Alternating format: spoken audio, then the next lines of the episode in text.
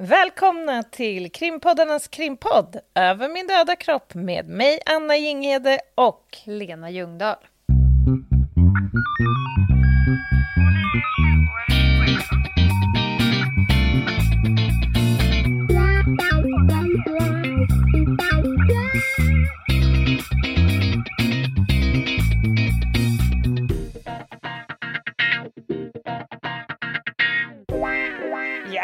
Satt den. Där satt den. Torsdag och nytt härligt samarbetsavsnitt med Polismyndigheten. Vi är glada för det. Och idag ska eh, vi prata om någonting som vi båda, i alla fall under en period av våra polisyrkeskarriärer, har jobbat liksom nischat med va? Jag har, ja, jag har jobbat som ungdomspolis, ja. Och jag jobbade på den så kallade rave-kommissionen. Som den envisas med att heta, fast det egentligen heter ungdomssektionen på länskriminalen. Men rave-konventionen låter ju ändå lite, det är coolare. Det är coolt. Det är det ju.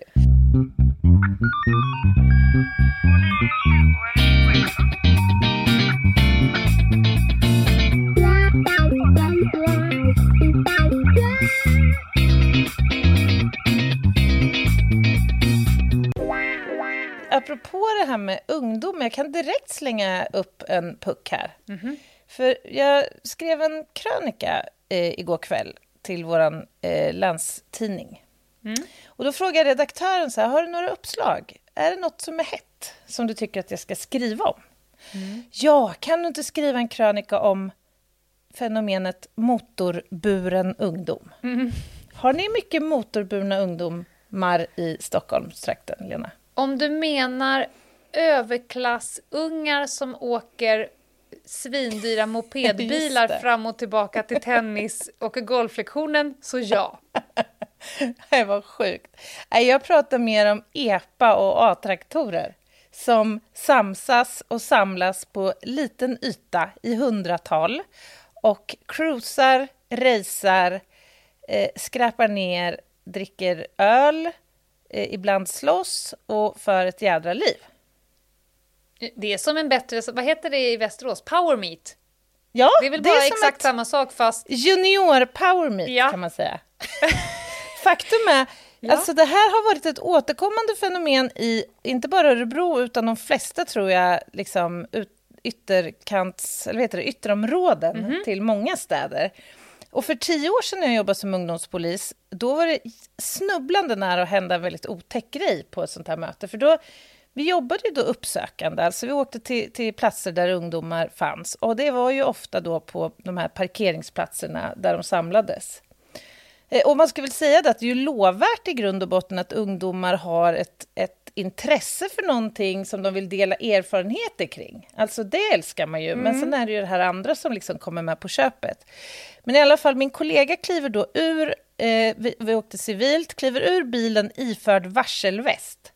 Och jag hinner precis uppfatta när hon kliver ut att det kommer då en traktor i 30 bakom henne. Och det räcker ju för att orsaka ganska stor skada, så att säga. Så jag fick ju eh, försöka få iväg någon form av primalskrik för att få hennes uppmärksamhet. Och det funkade ju, hon klarade, liksom gick bra och så, men det är ganska otäckt. Ja, framförallt om det är inblandat också lite fylla på det här. Och mm, det brukar också vara inblandat noll omdöme. Ja, exakt. Det är precis det som är läskiga. Noll om, omdöme, stor riskbenägenhet och särskilt hos pojkar och unga män. Det är ju liksom vida känt. Och sen då lite hastigheter på det där. Och du vet, hemmasnickrat, det är trimmat, det är hemmagjorda släp med ungdomar som... Ja, men du vet. Jag fattar. Det är ingen jättetrygg miljö för ungdomar att vara i. Nej, men jag kan tänka mig att det är ganska kul. Under en viss period av ens liv. Ja, men alltså, Står man och hänger utanför kul. typ Sibylla då, eller? Nej, alltså det vet jag sker ju typ i Hedemora och lite andra såna här exotiska platser. Men här i Älvdalen. Örebro, ja, här är det mer liksom parkeringsplatsfenomenet. Problemet är ju så här, så jag tycker i grund och botten att de borde ju få ha någon form av arena. En trygg plats med tillsyn där de kan få berätta för varandra vad de har åstadkommit i garaget under veckan. Liksom, Och tjockmattor surrat runt lyktstolparna. ja, lite så. Och alkotest. Undrar om de hade upplevt inte. det som lika roligt att vara just där. Nej, det är väl, risken är väl att man inte skulle göra det kanske. Jag vet inte. Ja, nej men det är ju, och, och motorburet eller inte, så finns det en problematik med barn och ungdomar av den enkla anledningen att det, det är ju omdömet, eller sagt hjärnan är ju inte klar än. Nej, Det, och, Den och är det ju är inte olika det. mo- mognadsgrad. Och rent juridiskt kan man ju säga att man är ungdom upp till man är 21. mm. Eh, det finns, liksom, vi kommer in på det sen, men särskilda bestämmelser. Och det, är liksom, det finns eh, särskilda bestämmelser fram till man är 21. Och sen finns det ju fallande skala därifrån. Men, precis. men de är ju lite sårbara. Ja, men de är ju det. Och du är inne på det, alltså det här med omdöme, förmåga att bedöma risker, eh, grupptrycksfenomenet, Mm. eh, liksom identitetssökandet. Man är varken barn eller vuxen.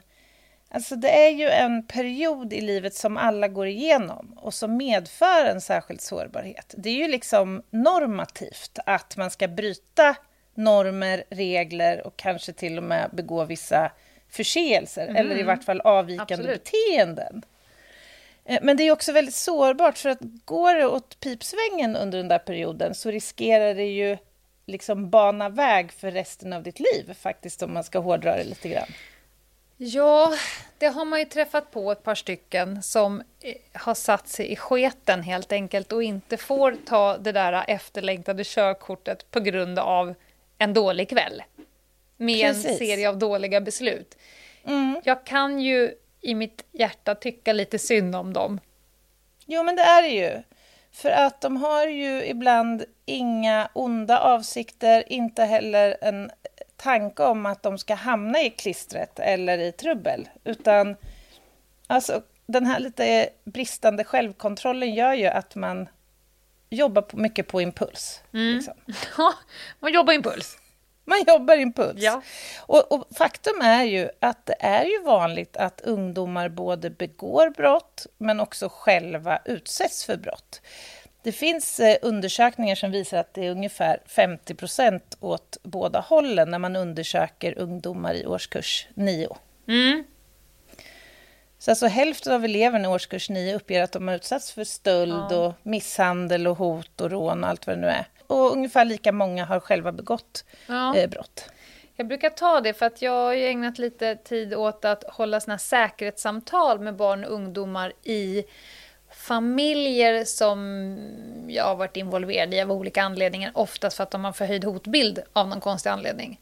Och då eh, så sträcker man upp även barnen på ett subtilt sätt. Ja. Men då har jag sagt det, när de, när de kommer i åldern liksom 14, 15, då brukar jag säga det. Nu kliver du in i en ålder och den kommer du befinna dig i nu ett gäng år framöver, kanske till du är dryga 20. Och nu måste du vara lite smartare än alla andra. Alltså det är ganska stor risk att det är den här perioden i ditt liv som du kommer ta en, en serie dåliga beslut. Som kommer sluta med att du antingen blir liksom gärningsperson eller hamnar på fel plats för fel tillfälle eller faktiskt utsätter dig för fara. Eh, Ja. som du kan vara smartast i gänget så vore jag som din säkerhetskonsult lite gladare. Mm. Eh, för att det är ju trist att det är just de åren som man också kanske är sämst på att göra de här bedömningarna. Ja. Har man dessutom ingen skyddsnät då så, så är det ju krångligt. Ja, men verkligen. Mm. Verkligen. Sen finns det ju brott som, som eh, man väldigt sällan ser vuxna göra. Det är, klotter är ju en sån där grej, skadegörelse. Ja, det är väldigt sällan man ser liksom att Berit Urban glider runt på stan och taggar I was here, sug kuk. ja, då har du faktiskt helt rätt Det är, ett teck, det är ju sådär, man bara, nu måste du snart växa upp. Sen finns det ju vissa vuxna som fortfarande tycker att det är helt kul att bomba en tunnelbanevagn. Men de Ja. finns ju en annan problematik kring. Jo, men det gör ju det. Man kan ju inte skylla på något, någon form av ungdomligt oförstånd i alla fall. Oförståndet kanske. ja. Medelåldrigt oförstånd. Ja, men faktum är ju, alltså, jag har jobbat med några eh, utredningar där mm. ungdomar har varit misstänkta, både sådana som har varit under 15 och som i sällskap av någon över 15 har genomfört de här gärningarna. Mm. Och alltså vi pratar om miljonskadestånd. Ja, det är sådana effekter man riskerar att utsätta sig för genom att fatta det där sällsynt dåliga beslutet att mm. Till exempel, som jag tror jag berättat om i något tidigare avsnitt, kliva in på en flygplats, trasha ett passagerarflygplan som står eh, uppta mm. upptaxat på en av banorna. Mm. Eller tända eld på ett stort eh, gammalt K-märkt eh, hus som brinner oh. ner till grunden. Alltså vi snackar ju den avbetalningsplanen, om mm. man säger så, om man går nu i, låt säga, mm. åttonde klass. Hej och välkommen till att leva på existensminimum. Ja, fram till pension. Nej, men alltså det är inte kul. Nej. Det, det vill man ju inte ska Nej. hända någon ungdom.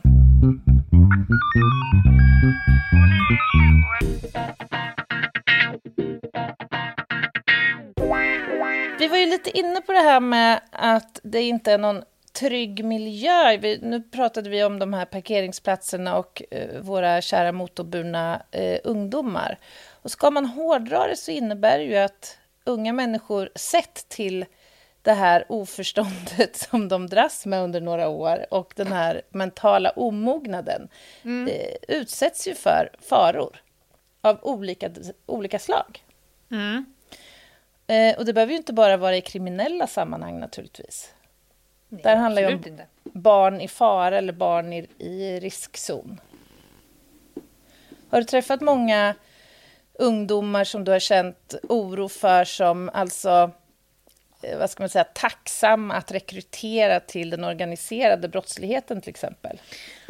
Eh, det kan man lugnt påstå med tanke på att man jobbade på ungdomssektionen kopplat till narkotika. Mm. Och nu för tiden så är det ju varje dag så hör man ju budskap att man använder ner till åttaåringar som springer med narkotika och vapen. Nu är det ett av kriterierna för att bli dömd för ganska sura straff, för att det är liksom särskild hänsynslöshet att använda barn och ungdomar. Men, skulle jag vilja säga, och det kanske låter lite cyniskt, men ibland träffade man ju på då kriminella eh, mm. som man träffade dag ut och dag in.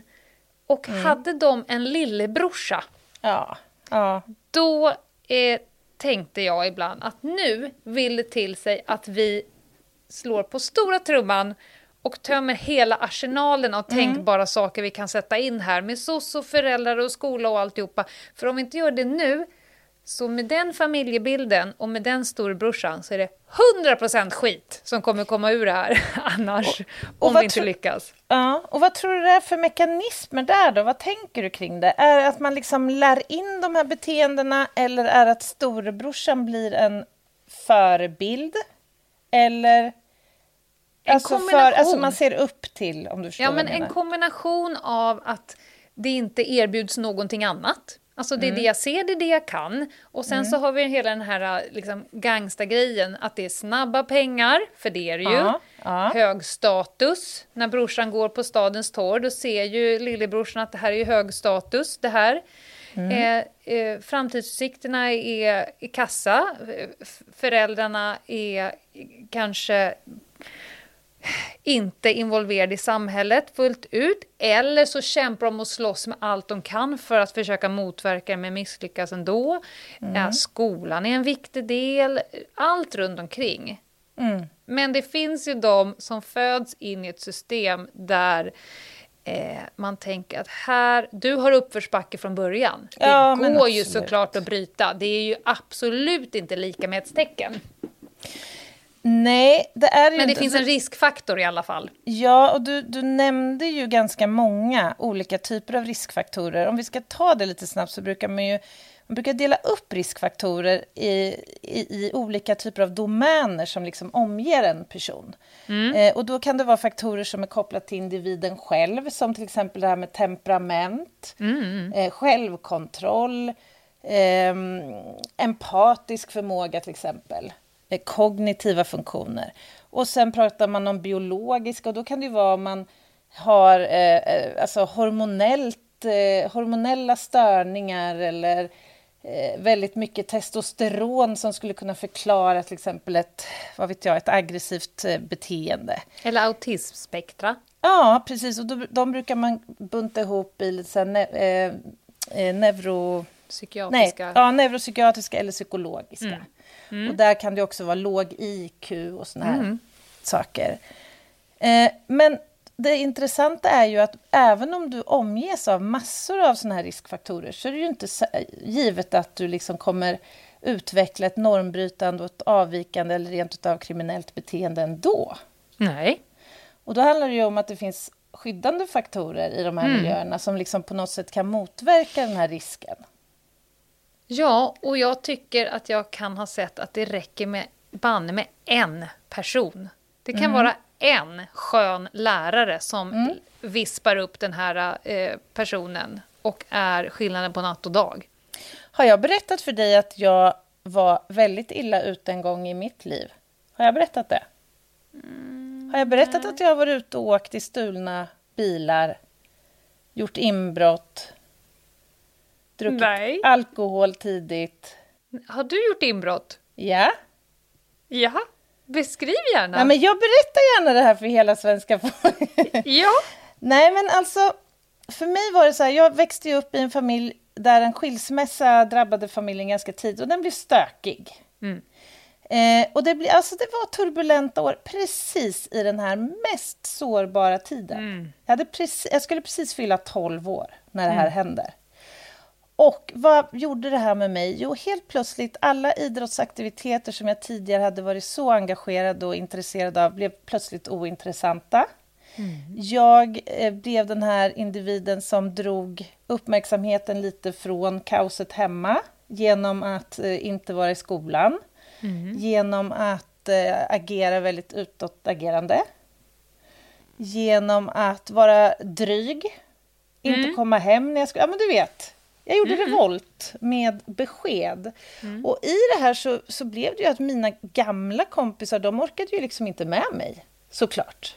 Nej. Jag, jag dissade ju dem och sökte mig till de, de coolare, så att du säga. bytte umgänge. Mm. Ja, jag bytte umgänge. Och i det här så, så liksom kom jag ju allt längre ut i ja, men periferin, om du förstår mm. vad jag mm. menar. Mm. I den här gråzonen där man helt plötsligt inte riktigt vet vem man är, vad man gör där och hur man ska ta sig därifrån. Och där var det några som fiskade upp dig. Där fanns det en fältassistent som heter Britta Stare som jag för evigt kommer att eh, älska och se upp till och som jag fortfarande mm. har kontakt med. Som lyfte mig från den här miljön, tog med min karatedräkt, gick upp med mig till klubben, satte sig på en bänk och sa träna. Mm. Jag kommer inte gå härifrån förrän du har tränat. Älskar det. Ja, och så gjorde hon. Hon hämtade mm. mig, körde mig till skolan, körde mig till träningen och till slut så hade hon hjälpt mig tillbaka över den här kullen och in i ett mer liksom prosocialt och ja. Eh, vettigt liv. Hur många Britta ska vi behöva klona upp och sprida ut över landet? Ja, alltså brittor behövs. Men det kan ju räcka, precis som du sa, alltså finns det någon klok vuxen? Det kan vara mm. en granne, det kan vara en fotbollstränare, mormor. det kan vara en lärare, en mormor eller ja. ja. Det behövs inte så himla Nej. mycket mer faktiskt. Det är så himla, himla viktigt. Och just det, det läskiga är att det finns ju alltid eh, orosmoment. Eh, som är beredd att fiska upp åt andra hållet. Det är en mm. dragkamp. Om man nu står i det där, där du stod, så är det mm. en dragkamp mellan... För, för det du blev av förmodligen av några andra än... Alltså ditt nya umgänge såg till att du var sedd, hörd och bekräftad. Där, ja, men precis. Det var nog liksom nyckeln lite grann, mm. faktiskt. Sen blir ju, problemet blir när man ska tillbaka och på något sätt återanpassa sig, det är ju att då är man ju lite stämplad. Mm. Man är ju lite betraktad som en outsider. Mm. Jag går ut högstadiet eller grundskolan med knappt ett betyg mm. som gör att jag kommer in på gymnasieskola mm. eller gymnasieutbildning. Sen sker ju liksom förändringen under gymnasiet och jag läser in både naturvetenskapliga programmet och andra så, men jag fick ju kämpa väldigt länge med att faktiskt få någon form av upprättelse för mig själv, att jag inte var liksom helt oduglig. Håller du fortfarande på med det, Anna? ja, det, det finns kanske vissa spår kvar. Det kanske det gör.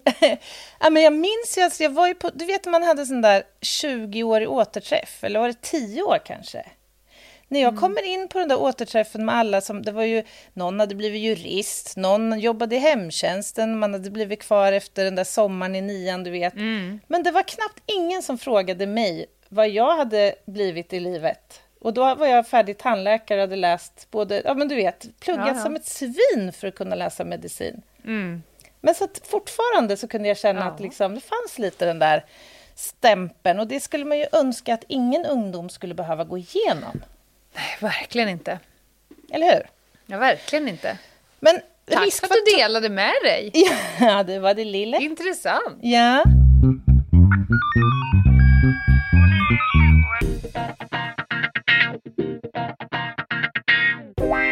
Nej, men, och jag omgav såklart av några såna här riskfaktorer, men jag hade ju då några skyddsfaktorer. Mm. Eh, och som sagt, det intressanta är ju så här, varför begår inte alla då ungdomar som omges av de här faktorerna brott? Och varför blir det inte stök för alla? Mm. Eh, man har ju försökt på annat sätt att för, för, hitta förklaringar och då pratar man istället om olika typer av teorier där man liksom försöker bygga ihop då modeller utifrån ett antal då såna här riskfaktorer i kombination med eh, liksom skyddsfaktorer. Och då, någon sån här teori pratar om att det är egentligen bara situationen som avgör. Alltså lite det här tillfället gör tjuven. Fast li så, lite så, där kan jag liksom komma på flera sådana händelser där ja. man bara... Nej, alltså sån jädra slump att det sket sig fullständigt ja. för dig i flera år efteråt. Ja, men precis. Mm. Och, ja, och vissa andra tittar bara på olika temperamentsläggningar och vissa tittar på olika såna här eh, faktorer tillsammans. Men det man kan säga om de här olika då, teorierna är att det finns ju inte en enda som lyckas förklara alla ungdomars utveckling av Nej. kriminellt beteende. Nej. Så, ja, jag vet inte. Jag tycker också en sak som, som hänger ihop efter att ha liksom suttit i miljarders förhör, oftast kopplat med både SOS och föräldrar. Mm. När man känner att det finns hopp, tycker jag ofta är när det finns, eh, eller tvärtom, om man inte har någonting att förlora. Du har inte mm. status, du har inte en framtid, du har inte eh, sociala relationer, du har inte en skolgång, ett körkort, en pryl. Om, det, om du liksom i den ena vågskålen finns ingenting, jag har absolut ingenting på att förlora på att hålla Precis. på så här då är det jädrigt svårt. Mm. Men kan man peka på någonting, oavsett mm. om det är liksom, för det, det som ofta skälper över framförallt killar, unga killar, att bli, liksom, sköta till sig, det är när de skaffar den där tjejen. Ja. För Men... då finns det i alla fall en sak som de kan förlora. Mm. Eh, finns det ingenting i den vågskålen, då är det tufft. Jag håller helt och klart med dig och det finns också stöd för faktiskt från forskning. Mm. Det här med livshändelser mm. som kan mm. bli vändpunkter, inte bara för unga människor utan även faktiskt för livsstilskriminella. De gånger en eh, fullblodsnarkoman, om man får uttrycka sig så, kan motiveras tillräckligt att faktiskt eh, kliva av sin drog mm. och söka ett jobb och allt det här. Det är ju till exempel om man, som du var inne på, träffar en partner, eh, mm. blir gravid till exempel, eller man får ett jobb, mm. eller någonting som ökar på det där mm. sociala kapitalet. Vi hade ju... faktiskt, mm. i, i söderort hade vi, eh, om det var två eller tre av våra värst, värsta så här, personrånare, mm. sådana där som betedde sig riktigt svinigt mot gamla och mot barn och sådär. Mm. Men vid ett tillfälle så gjorde de en väldigt bra gärning. De blev eh, ögonvittne till en ganska grov våldtäkt. Oj, och trauma. gav sig på våldtäktsmannen. Eh, mm. Alltså med byxorna nere, bokstavligen. Mm. Eh, och de fick pris för det här. De var på mm. framsidan av Polistidningen som, och fick någon form av eh, ja, gratifikation av, jag tror att det var Götblad. Eh, och liksom rådigt ingripande priset. Sen dess, inte ett jävla brott. Är det så? Ja, men du ser då, då helt plötsligt så får de här ungdomarna liksom, de blir stärkta av att synas. De har presterat, gjort någonting som är bra. En och ny social identitet. Ja, ja precis. Det finns ju en annan sån här faktor som man brukar prata om i, när man pratar kriminologisk teori och det är ju debut för ett antisocialt eller kriminellt beteende. Alltså ju yngre individen är, desto större är risken att du kommer liksom snabbare nästlas in i här, den här livsstilen och ha svårare att ta dig ur den. För de allra flesta kliver ju av det här beteendet någonstans mellan 20 och 25 år ju. Det ser man även på alkohol och narkotika. För varje dag som går som du kan skjuta på din debut att börja dricka, desto bättre. Bara skjut det framför dig. Vi alla vet att våra ungdomar kommer testa, men skjut det så långt det bara går. Kämpa med näbbar och klor för att det ska bli så sent som möjligt. Och vad tror du är ett bra tips om vi ska försöka oss på någon slags råd till föräldrar? Alltså hur ska man hantera den här situationen då? Om man har en ungdom som man vill försöka fördröja den här alkoholdebuten för. Finns det något man kan göra som du ser som är... Alltså, Bättre för det något första så annat. måste du ha kunskap. Eh, för det andra så måste du bestämma dig för att ungdomar kan vara små manipulativa saten. Om, för att få sin, förlåt, men för att få sin vilja framåt. De kommer trycka på varenda knapp du har. Och de kommer känna dig så pass väl som de vet vilken knapp de ska trycka på och när. Ja. Det är ungefär som när jag sagt åt min son att du får inte spela.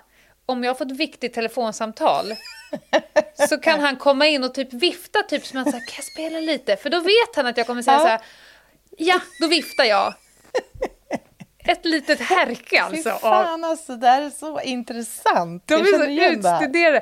Men Ja. så att du måste liksom bestämma dig, sätta en gräns och inte låta dig pulveriseras ner. Men så skulle jag vilja säga, öppna spjäll på kommunikation med dina Mm. barn och ungdomar. De ska känna att de kan komma till dig med allt, Mm. vad som helst och att du inte kommer komma med repressalier, utegångsförbud, strypa liksom någonting för att de gör bort sig. Det är Alltså nog det mina här- grejer. Ja, men det där tycker jag. Jag skriver under på varenda ord. Jag har sett ett antal såna här fall av grooming, till exempel, på nätet. Vi ska ju prata om det lite senare.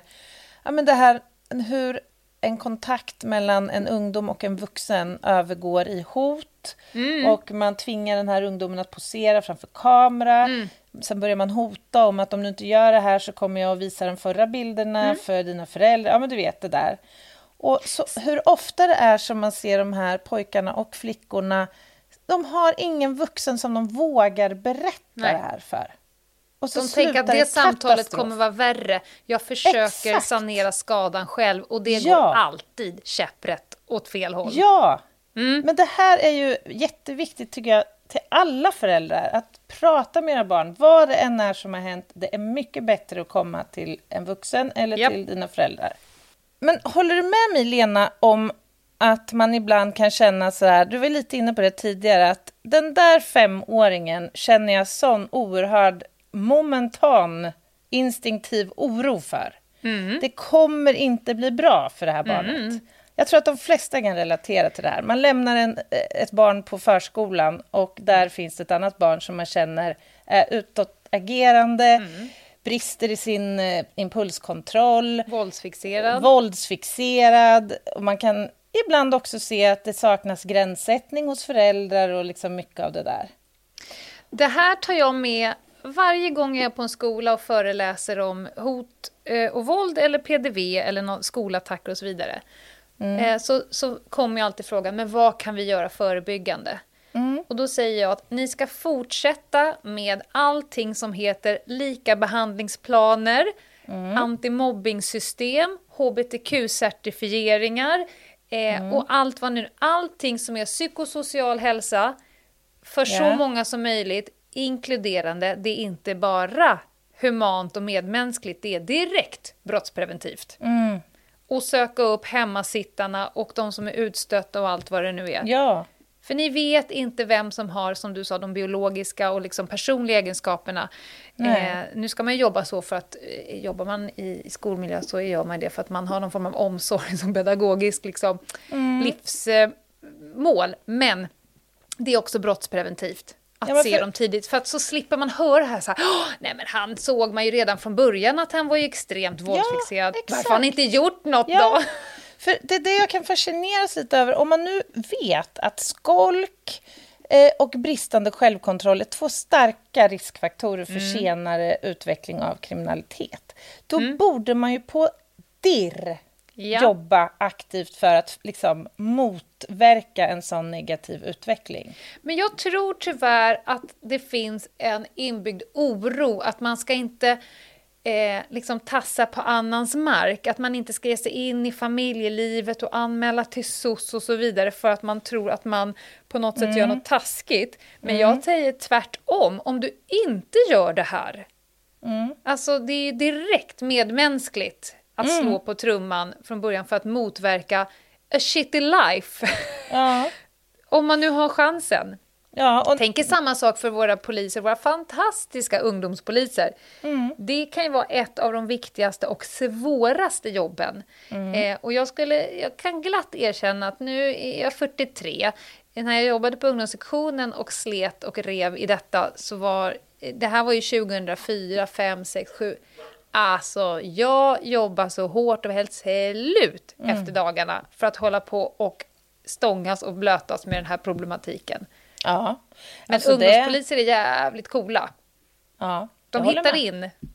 Ja, men det gör de, men faktum är ju... Jag har ju som sagt jobbat som det några år och faktum är ju att det är ju inte alltid hindret ligger hos, alltså det här, den här känslan av att man inte vill lägga sig i. Jag tror poliser generellt har ganska lätt, de har överkommit sina egna liksom, emotioner kring det. Deras Men jobb jag- är att lägga sig i. Ja, ja precis. Ja. Däremot kunde jag uppleva att det ibland var svårt att få gehör eh, från SOS räkning.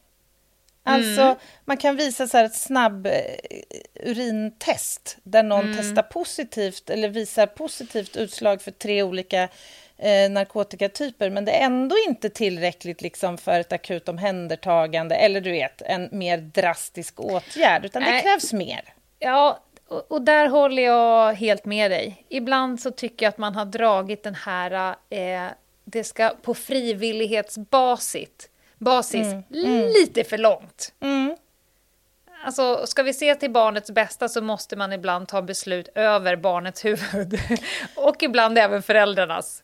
Ja, men så är det ju. Samtidigt, socialtjänsten jobbar ju uteslutande med frivilliginsatser, så man förstår ju deras dilemma. Men samtidigt så måste man kanske justera lite grann gränserna. Om, om en, jag menar, som ungdomspolis till exempel, då skrev vi barn i fara om barn eller då ungdomar inte var i skolan på dagarna utan i det lokala eh, varuhuset eller köpcentret.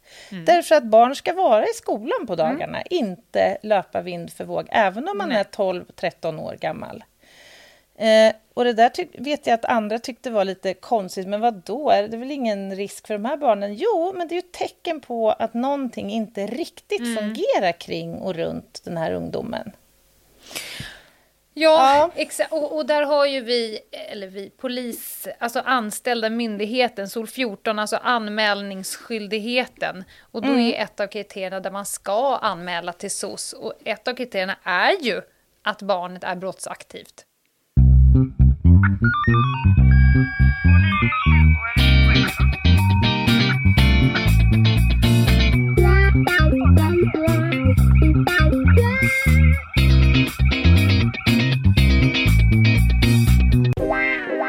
Kan du inte berätta lite om de här olika typerna av lagstiftning? Ja, det är ju, barn och ungdomar är ju liksom särskilt eh, ställda i, inom juridiken. Eh, då kan man gå in på lullen, som vi säger, alltså lagen om bestämmelser av unga eh, lagöverträdare. Mm. Och den gäller upp till 21. Så Ja. juridiskt så hamnar man om unga lagöverträdare fram till 21 år.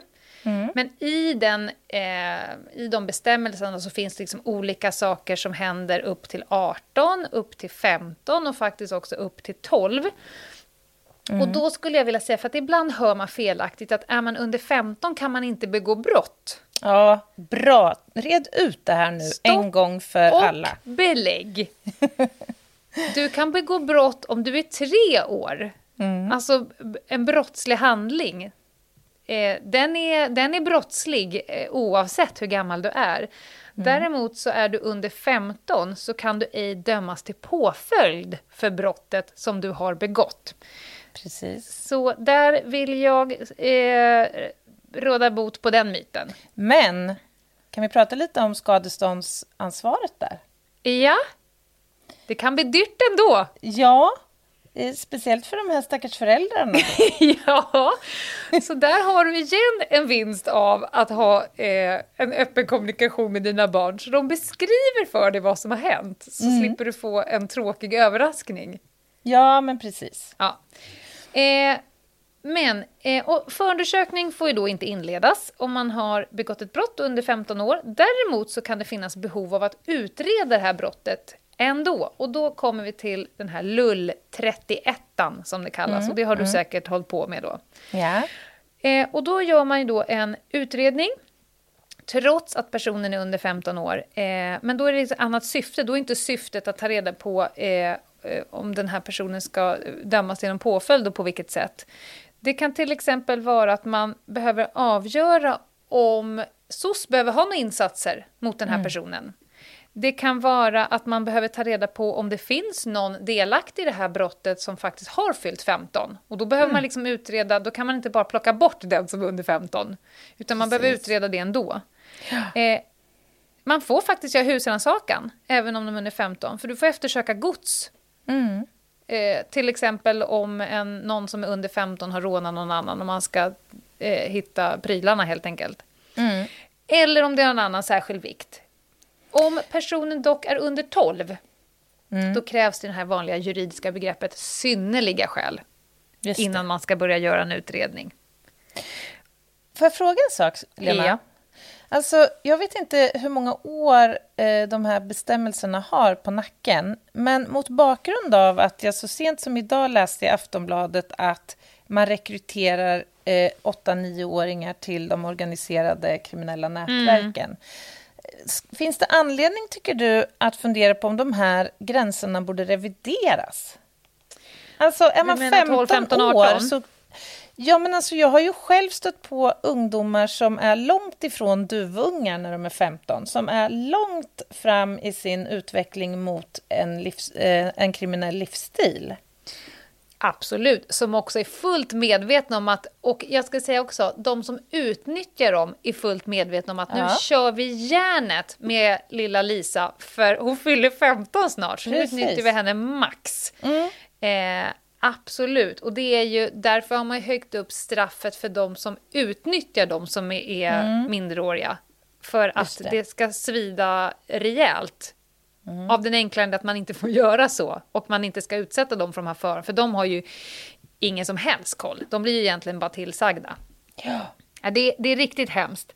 Mm. Eh, men det finns ändå i alla fall utrymme här att eh, hålla på och göra den här utredningen. Däremot mm. så ska den läggas ner så fort syftet är uppfyllt. Så var syftet att utreda om SOS behöver insatser, när man då har utrett det, då ska den läggas ner. Då kan man liksom inte fortsätta med nästa, utan man, man, tar fram, man inleder en lull 31 med ett syfte och när det är uppfyllt så ska uh, utredningen läggas ner. Mm. Och man kan ju nämna det att SOS är ju då också med under hela den här utredningen, mm. om det gäller en individ under 15 år. Mm. Och det där kan vi också ta eh, alla gånger man har eh, tagit eh, um, ungdomar under 18 för till exempel narkotikabrott. Mm.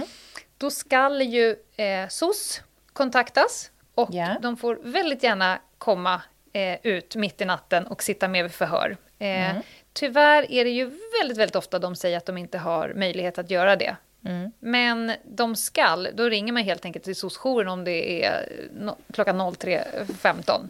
Nu ska vi hålla förhör här med Kalle, han är 16 år och två månader. Mm. Bra noterat, säger de då. Ja, då utif utifrån min erfarenhet så är det då som eh, skyddsnätet fungerar allra bäst. Om de är med på banan från ja. början. Mm. Och etablerar Verkligen. en kontakt både med ungdomen och med föräldrarna. Mm. I den mån ja. det finns några. Ja, för det var ju samtal nummer två. Så det är verkligen så att man, man, man tar ju ungdomen, sen är man på väg in till polisstationen eller vad man nu ska. Och sen sitter ju då en polis i patrullen och ringer till SOS och Mm. jagar föräldrar eller någon vårdnadshavare som ska eh, gärna vara med vid förhöret. Mm. Och då när man får tag på föräldrar och säger så här, aha, Ja. nej men du kan väl ringa efteråt och säga vad som framkom. Någonstans där Mm. får man ju, hur hade du själv reagerat om polisen hade ringt och sagt att nu har vi din unge här, alltså. vi ska hålla förhör. Då hade du sagt, nej men mitt i fredagstacosen, det var ju Det är ju olägligt. Idol på tv. Ja, exakt. Nej men alltså det här är så deppigt. Jag har ju Mm. varit med om det där ett antal gånger. När man liksom står där med telefonen i hand och bara, Va, vad säger människan? Liksom. Kommer inte vad, komma. Kan vara, vad kan vara viktigare Mm. än att ansluta när ditt barn är i den här situationen? Jag har till och med varit med om när man har ringt upp till föräldrar och informerat om att, att man har tagit ungdomar med alkohol. Mm. Att de har motsatt sig förverkande av alkohol. Man bara, eh, okej. Bara, Jag står här med tre flaskor Marinella. Men man Ja, men förstår ta ju hem då... dem. Ja, ja. Nej, men Ja. alltså då är det ju inte heller så svårt att förstå lite grann var det här antisociala beteendet hos ungdomen kommer ifrån. Alltså, Nej, det finns inte. inte. en föräldraförmåga hemma, helt enkelt alltid. Nej, nej, nej. nej. Och kommer de, ibland när de kommer och så sitter med i förhöret så förstår man ju absolut varför ungdomen sitter i ett polisförhör Ja. till att börja med. Absolut. Och jag har också ett par gånger fått en riktigt, riktigt klump i magen. Du vet när man ska köra hem ungdomen. Ja, usch. Dörren öppnas, eh, blicken mellan föräldern och barnet. Mm. Det är inte alltid föräldrarna är skitnöjda och får hem en nerspydd unge mitt i natten. Nej. Men den här lilla, lilla, jag brukar titta väldigt noga på blicken. Mm. Är det liksom, är det besvikelse och Mm. ett utegångsförbud som finns i blicken? Eller är det ett eh, knytnävsslag Mm. på gång? Ibland har man stängt dörren och känt så här, "Nej, det där känns inte bra. Det är då Nej. man går tillbaka lite senare och kollar läget eller kanske gör en SOS-anmälan eller kontaktar ungen dagen efter eller något sånt där. Jag har till och med skrivit ner mitt tjänstemobilnummer ibland på lappar. Ja, du sa med. det någon gång att du har liksom, det är jättesnyggt Och jag, och jag vet inte om det har handlat om att stilla min egen oro eller faktiskt att det har haft någon betydelse. Men Spelar ingen är det- roll. Nej, egentligen gör det ju inte det. Men, men jag, ja, jag, jag håller verkligen med dig. Det har funnits situationer som... Alltså det finns situationer som är otroligt smärtsamma. Mm. Jobbiga. Men eh, jag går vidare med lite juridik. Eh, när en ungdom döms för brott då, eh, då finns det ju ungdomspåföljder. Eh, alltså påföljder, straff, eh, som man inte kan få som vuxen. Och det är ju från att man fyller 15 fram till man fyller 21. Då kan man ju få bli dömd till ungdomsvård. LVU till exempel. Vad är det? Vad innebär det begreppet ungdomsvård? Ja, LVU, det är ju tvångsvård. Det är ju när det inte finns en fri, frivillighet. När föräldrarna till exempel motsätter sig vård. Eh, Då finns det inget samtycke, man utgår från barnets bästa. Man får helt enkelt ansöka om förvaltningsrätten. Det kan till exempel vara stora brister i hemförhållandet eller eget kriminellt beteende. Eh, och då, det är ju tvångsvård, helt enkelt. Där man helt enkelt går in och säger att nu är du bättre på den här platsen här borta. Eh, det är ganska tufft. Jag har föreläst en del på såna här LVU-boenden. Eh, det är ju en samling personer med ganska olika brokiga bakgrunder och utmaningar och begränsningar och måenden. Eh, så att jobba på LVU-hem, eh, då ska man ha en särskild fallenhet. Och det har de ju oftast. Ja, de är oerhört duktiga eh, utifrån den lilla erfarenhet jag har Mm. av de här eh, hemmen, eh, behandlingshemmen. Men däremot så har jag ju också sett exempel på hur ibland vissa av de här ungdomarna då kommer samman och utvecklar ett ännu mer destruktivt Mm. livsförhållande. De lär sig att bli kriminella av ja, andra. liksom precis. Det är Ja. inte riktigt kanske Nej, den mål gäller att man tungan vill mun. uppnå. Ja. Eh, sen kan man ju få ungdomstjänst.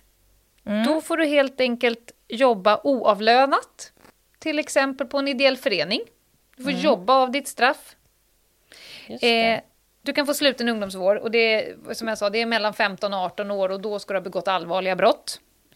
Eh, sen kan du som vanligt få böter och villkorlig dom. Sen finns det som en skala eh, där ju yngre du är, desto mer rabatt får du.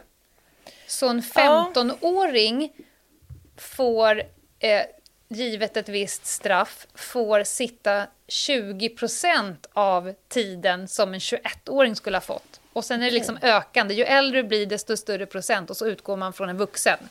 Men är det inte ett ganska trubbigt instrument ändå? Tycker du? ja, det är ett trubbigt instrument. Eh, men nu finns det faktiskt ett, ett, eh, en remiss eh, där man kollar på om man ska slopa den här straffrabatten för alla fall de som är 18, 19 och 20 år för de grova brotten. Det Eh, låter väl ju- vettigt? Ja, det låter ju vettigt. Och det här är ju med det här 34-punktsprogrammet som regeringen har lagt för det. Mm. eh, gängkriminaliteten. Och det känns ju rimligt att är man 18, 19, 20 år och begår brott på brott på brott på brott så är det helt orimligt att man ska Ja. få 60, 70, 80 procent av straffet bara Nej, för jag att du fattar är... inte det där. Eh, så vi hoppas väl att det går igenom, känner jag spontant. Och i så fall börjar det gälla från 1 januari 22, tror jag det var. Mm. Är man under 15, eh, så den här utredningen om, om, om, om brottet, eh, eh, vi pratar om bevistalan, då är det ju liksom SOS eller om vårdnadshavare eh, vill att det här ska utredas ändå. Mm. Eh, så det är väldigt mycket kring, som är speciellt kring eh, att utreda unga eh, och deras brott. Till exempel så finns det en särskild skyndsamhet. Det ska inte gå mer än sex veckor. Nej. Och det kan jag säga när man jobbar på en ungdomssektion, när man har en, en, en hög med akter som ligger på ett bord och man väntar på analysresultat, eh, kompletterande förhör, personer som inte går att få tag på, och så weiter. Eh, och sen har man det här att om sex veckor så ska det här vara klappat och klart. Ja, men alltså det är så himla frustrerande också. För att det är Ja. ju ofta liksom vissa, ja, men vissa ungdomar som man liksom har punktmarkerat. Eller så här, som man Ja. jobbar fokuserat och inriktat på. Som man känner bara i hela sin kropp far illa och är ute Mm. på jädrigt djupt vatten. Och sen har man liksom inte instrumenten för att agera handkraftigt. Liksom. Det är en oerhört frustrerande situation som varje polisman eller kvinna känner. Och därför blir man ju extra... Eh, alltså det är så skönt att jobba. Vi hade ju ett väldigt bra samarbete med Maria Ungdom och socialtjänsten. Där om man tog någon som var under 18 som eh, var misstänkt för narkotikabrott istället för att åka till den lokala polisstationen och in i arresten där bland gamla pundare och eh, livsstilskriminella så åkte man direkt till Maria Ungdom. Eh, så det som var deras konferenslokal dagtid, det var våran polisstation kvällstid. Ah. Så åkte man dit, SOS kom, föräldrar kom, pissa, förhör och sen när man var klar så gick man fyra trappsteg upp, öppnade dörren och så rätt in på vård. Ja, Varsågod! men alltså, fasen Istället för att det ska komma ett surt brev från Ja. SOS sex veckor senare när, när de här ungarna har bearbetat föräldrarna så pass mycket så att de inte Mm. kommer... För det är ju föräldrarna som bestämmer. Du skall in på vård, du är under Mm. 18, du är i mitt våld, så att nu gör du det bara. Eh, så det var ju verkligen en framgångsfaktor. Ja, det kan jag verkligen tänka mig.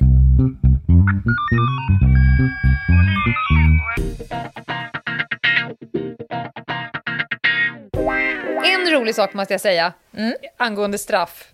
Ja. Åklagarna kan ju ta till med någonting som heter straffvarning.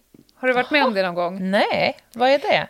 Alltså det är en ganska härlig grej. Det, det, det är om, om, de har, om de har begått ett brott och är under 18 och det ska gå till åtal då, då så kan eh, åklagaren underlåta åtal, alltså skita i att gå väcka åtal. Eh, om, och Det blir så en finns- uppsträckning istället. Ja, och då finns det lite kriterier. Till exempel så, så ska åklagaren tycka att personen har gjort det här på grund av okynne eller förhastade eh, slutsatser. Oj, okynne. Vet en ungdom vad det betyder? Eh, Absolut inte. Har Nu du har du gjort varit det här okynnig. på grund av okynne? Ja, och de sitter. Ja, Åh, har Finns det på Snapchat? Nej, men då åker de på uppsträckningssamtal hos åklagare. Jag har bevittnat det här. Okej. Det är... Tänk att du kommer in i ett sånt där pampigt rum och sätter dig framför någon, i det här fallet var en ganska parant, Oxford. ja, en ganska parant dam där hela uppsynen var hönsröv. Ser du framför dig? Åh gud, jag hade erkänt vad som helst tror jag. Ja! Och så sitter ungdomen där och så föräldrarna bara, nu är det liksom, det här är sista instansen. Om du inte, för då kommer lite så här skötsamhetskrav och sånt. Ja. Annars så blir det ju den hårda vägen. Är en sånt roligt samtal. För då, då försöker helt enkelt åklagaren från samhällets vägnar banka vett i den här. Det är nu du ändrar dig. Jag gillar det. Men alltså jag tycker det känns uppfriskande. Ja. ja. Helt klart. Helt klart. Nej, men du var ju inne på eh, lite olika verktyg. Och Du nämnde sam samverkan, och det är ju jätte, jätte viktigt. Nu sa jag det igen. Du brukar skoja om att jag ofta säger att någonting är jätte, jätteviktigt. Jätte, jätteviktigt, jätte, jättetråkigt, jätte, jättesnabbt. Det är aldrig bara jätte. Men samverkan är jätte, jätteviktigt. Är det det? Ja, det är det. Och när det gäller ungdomar så handlar det mycket om samverkan med, som vi var inne på, SOS, men också fältverksamheten. Alltså socialarbetare som är ute och jobbar uppsökande, men också Skola och skolan. fältare. Ja, skola, fritidsgårdspersonal och allt vad det nu kan vara. Och det, här, det finns ju en mängd olika såna här samverkansprojekt faktiskt i landet. Eh, Men tyvärr, jag måste säga, alltså, jag, när jag, jag jobbade ju som ungdomspolis, men sen i samband med sista omorganisationen, då fimpade man må- många såna här ungdomspolisenheter. Man la ner ungdomssektionen på länskrim. Jag, jag kan inte förstå det. Och då rasade ju många liksom, naturliga vägar för samverkan också, vilket är väldigt olyckligt, tycker jag. Men det finns andra sätt att jobba eh, uppsökande och liksom proaktivt på också. Man har hört talas om Kronobergsmodellen till exempel, som handlar om att jobba aktivt med eller mot langning av alkohol och så. Mhm, och nej. di- direkt förverkande av Ja. alkohol. Vi jobbade med Linköpingsmodellen. Aha. Uppsökande, hem till folk. Ja. Eh, man helt enkelt hade tips och, och eh, drog rätt hem till familjen och hoppades på att få bra gehör från föräldrarna direkt. Istället för att vänta på att de skulle göra någonting. Precis. Det är ju klockrent, Mm. tycker jag. Väldigt effektivt. Verkligen. Verkligen. Eh, och så jobbar man med konceptet som handlar om tidiga insatser. Och det var det här som du var inne lite grann på, att försöka initiera liksom, samverkan och aktion så tidigt som möjligt i en ungdoms negativa utveckling.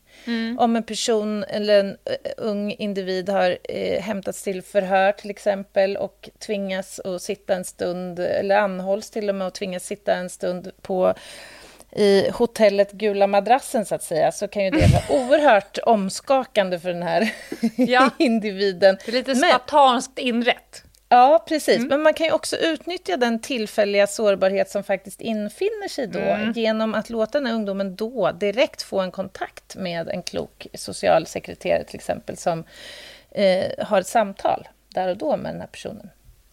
Det där Eh. tyckte jag var roligt, du sa, vad du sa, att, att utnyttja den inledande, vad sa du, sårbarheten? Ja, eller vad sa jag? Jag vet inte, men det är Ja. ungefär som, det, det kan jag säga att det kan narkotikapoliser kanske göra, när piketen har bonkat dörr och springer in med balaklaver och skriker och folk ligger ner. Då kan det bli så att man utnyttjar den och man liksom glider fram och bara, du var i haschet. Ja, Man har ett par man har sekunder på sig. fönster där. Ja, för då ser man det lilla Ja. pekfingret börja peka åt något håll. Man har ett, ett, ett par, ett litet ja. fönster av panik Ja, ja, ja. Nej, innan men hjärnan alltså- har liksom slutat fladdra. Ja, men alltså det låter ju superhemskt, men faktum är att ingen eh, ung människa trivs ju i den här miljön. Det är ju omskakande för alla. Och då kanske man kan påverka den här personen där och då, att få den att till alla pris undvika att hamna där igen. Ja, jag rabblar igen, men medling har du hört talas om? Det här när man sätter sig ner och faktiskt tillsammans, alltså eh, ungdomen som har utsatt någon annan för brott, till exempel, träffar brottsoffret tillsammans med socialtjänst och föräldrar och sådär. Eh, ja, nej, men det finns en hel del sociala insatsgrupper, olika typer mm. av initiativ för att jobba socialt kring eh, barn och unga i riskmiljöer och sådär. Om du skulle måla upp vad du Alltså en, en polis som, tycker, som har fallenhet för det, som tycker att det är extra roligt och som brinner för det. Mm. Vem, vem är den polisen? Det där är ju en jättebra fråga. Alltså jag tror, jag har nämnt det tidigare när vi pratade om polisiära bra egenskaper. Tålamod säger jag igen, jätteviktigt. Mm. Empati. Eh, jag tror att det är ju inte fel att försöka liksom kliva ner på ungdomens nivå i den mån det är möjligt. Att vara down with the kids. Att vara down with the kids, yes. Alltså det funkar ju sällsynt dåligt att stå och vara den här prussiluskan, liksom. Ja, hönsröven. Ja, ja, precis. Hönsrövsmetodiken funkar ju sällan bra. Nej, och jag tror att de som jag målar upp, som jag, som jag ser har varit bäst på det här, de har en djävulsk förmåga att snabbt plocka upp vad funkar på just den här personen. Ja. För ibland kan det, det vara rätt. sura Bosse. Mm. Och ibland måste du vara väldigt mjuk. Och ibland mm. så ska du vara extremt tydlig. Men de har liksom en förmåga att hitta ungdomen där den står mm. och veva därifrån. Ja. ja, men precis. Jag håller med. Mm, för så viktigt och i all i hela rättsapparaten och samhällsekonomin och så vidare. Ju färre ungdomar vi har som inte bara eh, under en viss period eh, agerar i okynne utan mm. faktiskt slutar, ja. desto bättre för hela jävla rättssamhället. Fast jag måste säga att en väldigt effektiv sak som jag upplevde funkade ofta, det var faktiskt att lyssna på ungdomen. Mm. Att mm. ge den några minuter av din tid lyssna, vad är det som skaver? Vad är problemet? Varför går du inte i skolan? Hur är det hemma? Mm. Liksom lite back to basics. Mm, eh, det kunde vara en dörröppnare många gånger. Mm. Jag tror att de också tänker att, att vuxenvärlden ändå inte förstår. Jag kommer bara få straff, det är ingen mm. idé. Eh, jag testar bättre själv. Och, det... och, många, ja, och många är vana att få skäll, var de än är. Skäll mm. i skolan, skäll hemma, mm. de duger ingenting till, de ställer till det för sig, och, ja, men liksom, de hamnar mm. i den där spiralen. Och då är det som du sa tidigare, vad är liksom vinsten att vända om? Mm. Det är att få dem att förstå att det finns en vinst.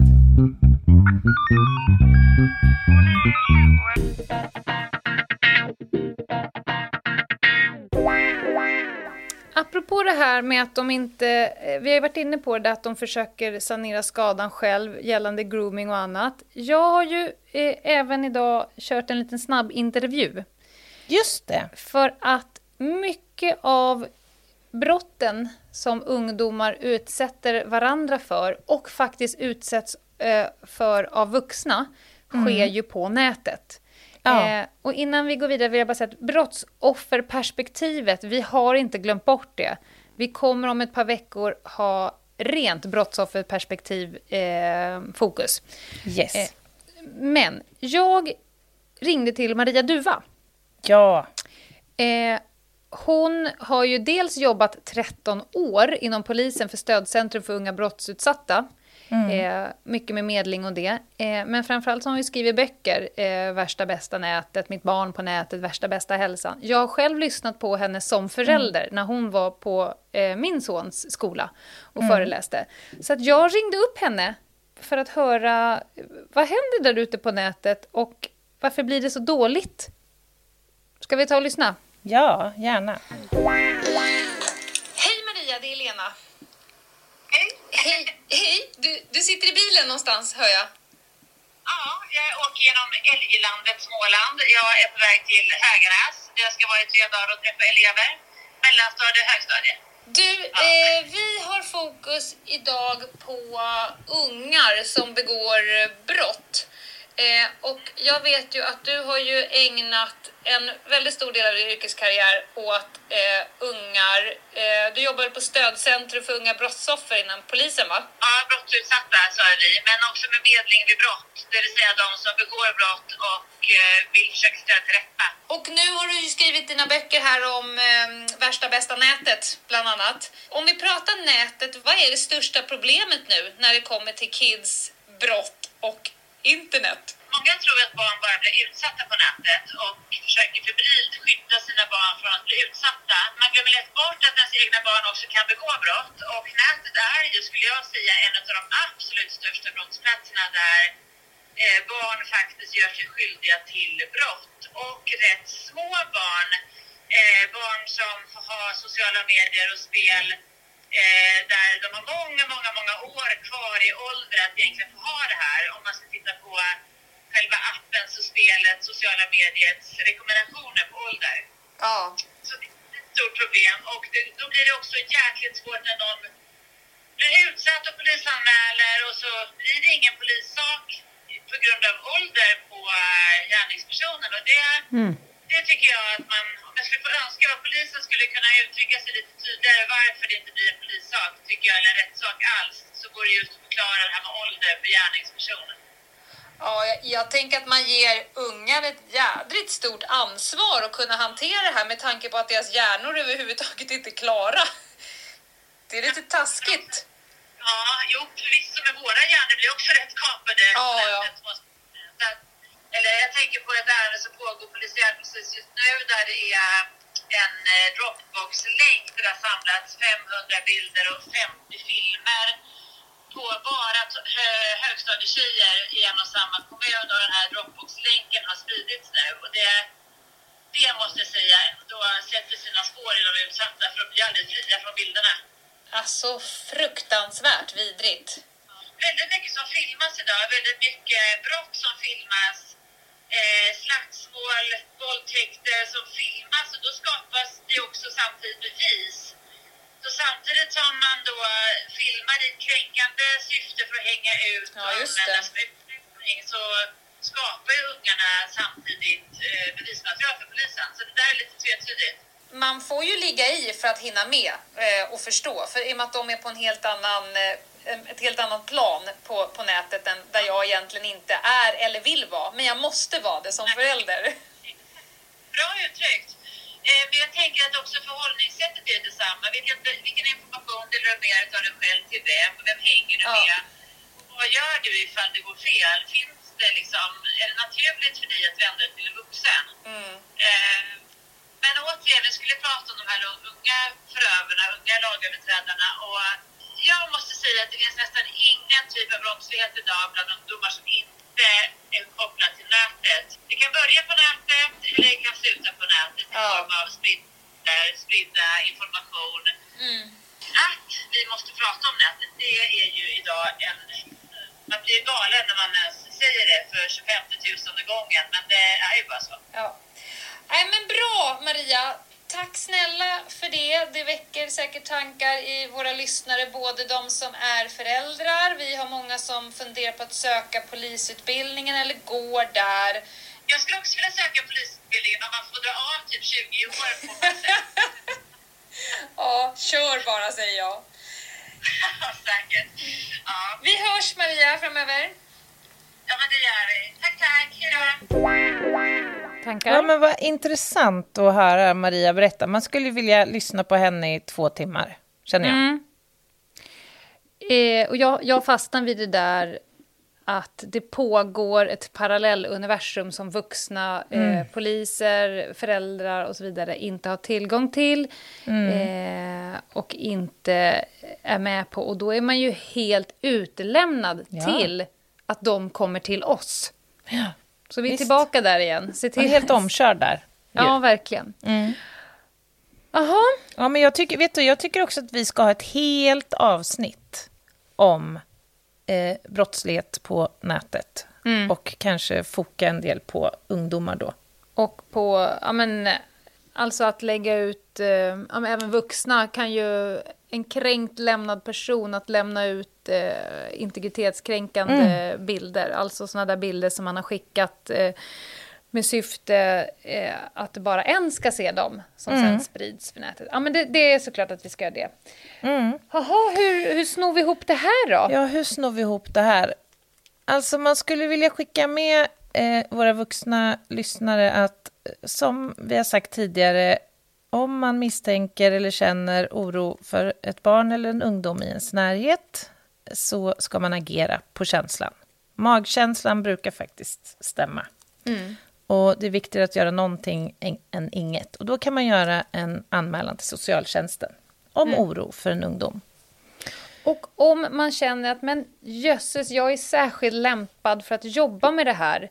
Jag är duktig på att nå fram, eh, jag har ett, ett driv och jag har liksom egenskaper som lämpar sig till det här. Då går man in på polisen.se bli polis och Precis. skaffar sig världens viktigaste jobb.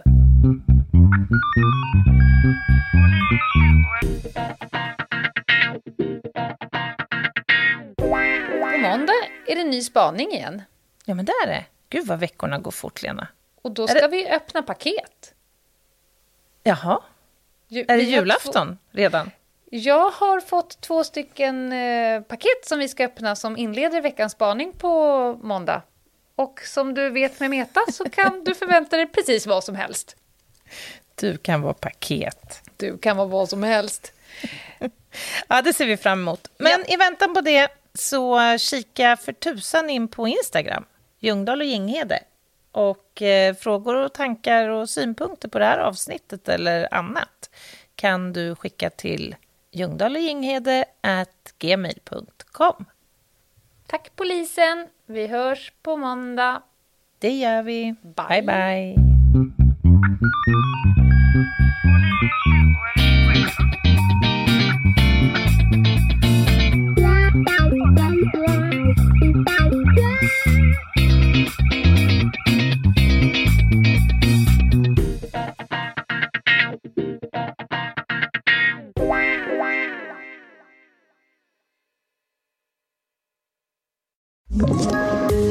Ett poddtips från Podplay. I podden Något Kaiko garanterar östgötarna Brutti och jag, Davva, dig en stor dos skratt. Där följer jag pladask för köttätandet igen. Man är lite som en jävla vampyr. Man har fått lite blodsmak och då måste man ha mer. Udda spaningar, fängslande anekdoter och en och annan arg rant. Jag måste ha mitt kaffe på morgonen för annars är jag ingen trevlig människa. Då är du ingen trevlig människa, punkt. Något Kaiko, hör du på Podplay. Därför arkadeinerna.